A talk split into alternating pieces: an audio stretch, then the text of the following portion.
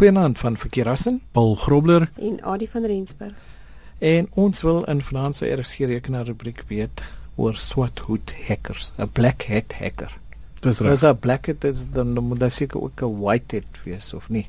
Wel, wel, mens kan seker as mens wil kleur wil praat, kan jy seker pink, groen en geel ook kry maar. Geel, ja. Maar ja, nee, daar's um, ons gaan 'n bietjie kyk na die uh, daar's drie uitsondere tipe verskille. Kom ons noem dit dan nou 'n black hat hacker- 'n grey hat hacker en 'n um, white hat hacker. So ek was nie te ver. Nee, jy was nie te ver Nee, uit gewees white nie, eh, Daar is 'n white hat, ja. Ja, so kom ons begin by die begin en sê 'n hacker is nie noodwendig of eintlik die slegte ouens in die verhaal nie. Uh eerder 'n kuberkraker. Ek het gedag 'n hacker is 'n kuberkraker. Um maar dis 'n cracker, nee, jy Mm, kry die hackers en cracker. crackers, ja. Mm. Maar die media het natuurlik aan ons die woord hacker 'n negatiewe konnotasie geskep, um, soos wat met baie goeders mag gebeur daar buite. Ehm um, maar soos wat ek nou genoem het, jy kry black hat, white hat en grey hat hackers. Ehm um, en dit die terme onderskei die hacker van mekaar op grond van hulle optrede. So die slegte ouetjies en die goeie ouetjies. Ja, en dan die En soos gewoonlik sal die slegte ouetjies die swartes wees. Die swart hoed. ja. Mm. Nou uh, kom ons begin dan met die black hats. Ehm um, is die tipe wat die media op fokus natuurlik want dit is natuurlik meer sensasioneel. Ehm um, hulle breek in in stelsels vir persoonlike gewin soos om byvoorbeeld kredietkaartnommers te steel vanaf 'n webwerf soos byvoorbeeld PayPal. Ehm um, verder sal hulle persoonlike inligting steel om aan die aan identiteitsdiewe te verkoop en om skade aan te rig aan webwerwe waarvan hulle nie hou nie of iemand wat dalk iets aan hulle gedoen het sal hulle dit hulle Mhm. terugkry. Ehm So hulle is die onwettige spesialiste. Ja, hulle is die kriminele van die van die kuberruimte as jy dit nou so wil stel. Hmm. En ehm um, dan indien 'n 'n black hat 'n nuwe hulle ons praat van zero day vulnerabilities. Uh, ek het dit verlede week ook genoem. 'n Zero day vulnerability is letterlik is iets wat hulle nou net uitgevind het. Daar's nog nie Splinter niet. Ja, dis Mm. zero day. Dit het sopas gebeur. Iemand het sopas dit uitgevind en hulle is die tipe ouens wat daai zero day vulnerabilities vat en hulle sal dit natuurlik aan kriminele verkoop of aan kriminele organisasies of hulle sal dit self gebruik vir hulle eie vir hulle eie gewin. Nou ek sou dink dat die white hat hackers dan die teenoorgestelde doen. Hulle is basies die teenoorgestelde nie in die sin dat hulle noodwendig teen 'n black hat hacker veg as jy dit sou wil stel nie. Uh die verskil kom maar meer in in hoe hulle hulle kennis gebruik as jy dit sou wil stel. 'n white hat hacker ehm um, is die teenoorgestelde in in die sin dat hulle eties optree. Nou jy wil nou vir jouself vra maar hoe kan 'n hacker eties wees? Ehm um, maar hulle gebruik hulle vermoëns eh, ten goeie ehm um, en nie vir kriminele aktiwiteit nie. So eh, baie keer gebruik ehm um, maatskappye byvoorbeeld white hat hackers dan as jy dit nou sou wil noem, ehm um, vir sekuriteit, um, om toetse te doen wat hulle sekuriteit aan aanbetref. Hulle doen 'n verslag um, ons ons het nou in sekuriteit security plus ook daarvan gepraat. Hulle praat van penetration testing wat jy jy probeer spesifiek inbreek as jy dit sou wil ehm um, stel in die in die stelsel om te kyk waar kan 'n black hat hacker dalk inkom. En Ek ek dink mens kry baie keer van die ouens wat black hat is en dan verander hulle nader en dan kom wraak hulle die white hat. So kom ons is dit daai Ja. Kevin Kevin Mitner. Daar Hy word baie keer ja. gebruik deur Ja. deur maatskappye. So Ja. hy's nou 'n white hat. Ja, baie ouens word geswaai um, en sit 'n en sit 'n ander hoed op. En, Ehm, en, en die grys is is seker nou die wat besluit baie keer sal ons sleg wees en baie keer goed. Ja, ek dink nie dit gaan ja, dit gaan nie net oor dit nie. Hulle is hulle is dalk net nie altyd heeltemal eties nie. So um waar 'n white hat hacker byvoorbeeld sal gaan as hy 'n probleem agterkom, sal hy dit onmiddellik gaan bekend maak aan die maatskappy. Hy gaan dit nie hy gaan nie enigiets onwettigs probeer doen met dit nie. Ah, Ek sê maar ek kom maar die, die grys is as ek kan nou sê ek wil betaal word voordat ek vir jou gee. Hy zoiets. kan hy kan dalk Ja. hy sal na jou toe gaan en hy sal dalk ehm um, dit doen of hy sal dit nie net aan die maatskappy bekendstel nie, maar hy sal dit dalk aan die publiek ook bekendstel. Uh, hy so hy doen nie noodwendig iets verkeerd nie, maar hy hy speel kom ons sê daar op die lyn. Hy hy hy hy speel daai lyn fyn van uh, wat jy wat reg is, wat eties reg is en dan um, natuurlik um,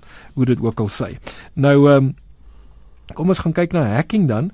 Um, dit word uh, beskryf op uh, sewe vlakke. Nou die sewe vlakke word genoem skriptkeries. Ek neem aan dis nou waar dit begin. Ehm um, dan het jy jou hacking groep. Dan Dis jy jou wanneer die skripkieries bymekaar kom. Ja. Dan jy jou hacktivist, dis die ouens wat redelik ernstig begin voel oor oor wat hulle doen. Dan het jy jou black hat professionals, so dis nou die ouens wat nou besluit het om aan die verkeerde verkeerde kant in te hardloop.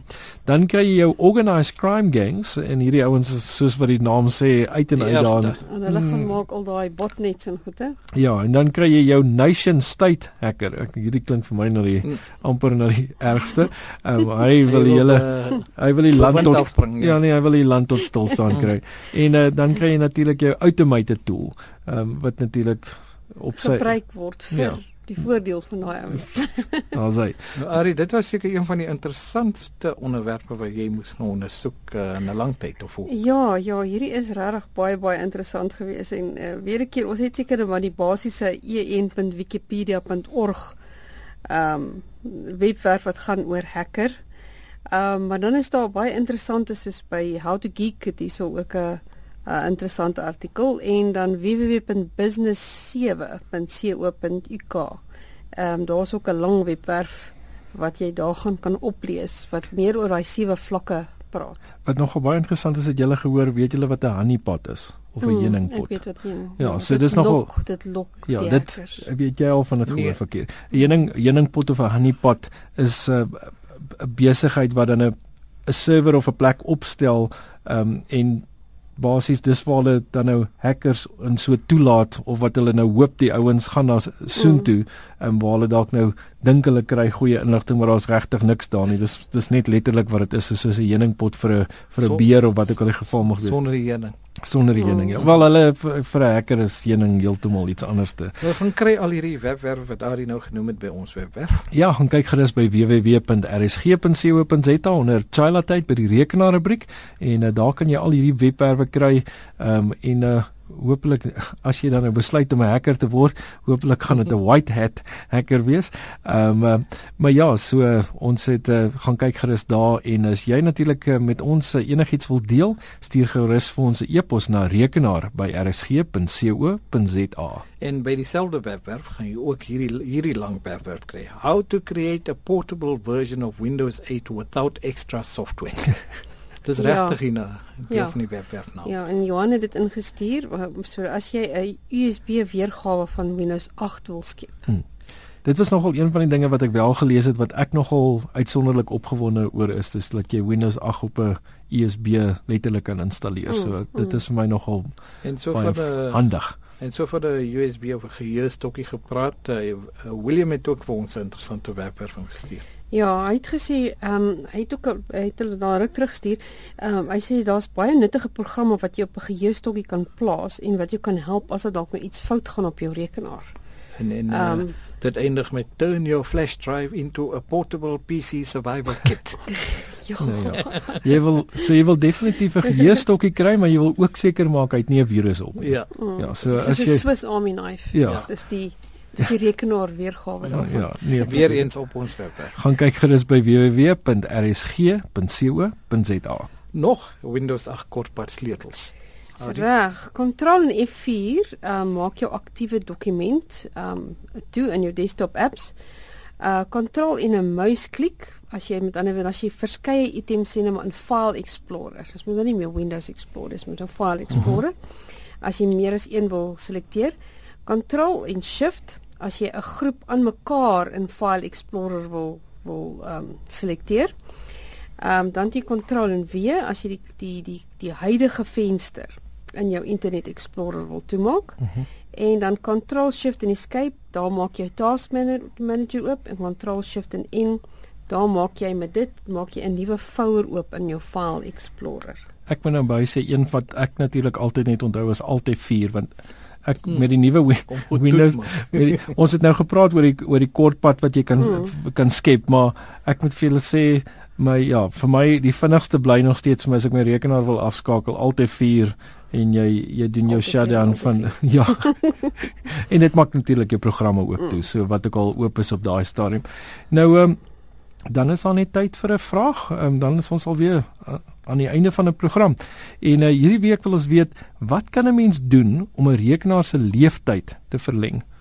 net soos mense, honde, katte, diere, enige ding daar buite, ehm um, wil mens graag so lank as moontlik leef seker. So wat kan 'n mens doen om 'n rekenaar se lewensduur te verleng? Vitamine is nie nie virusse nie. maak seker hy's nie siek nie. Ja. As nou ons gesels volgende week oor moontlikhede wat jy kan doen. En uh, ja, En kyk tot of jy dan van Verkeerassen. Paul Grobler En Ari van Rensburg Goeienaand.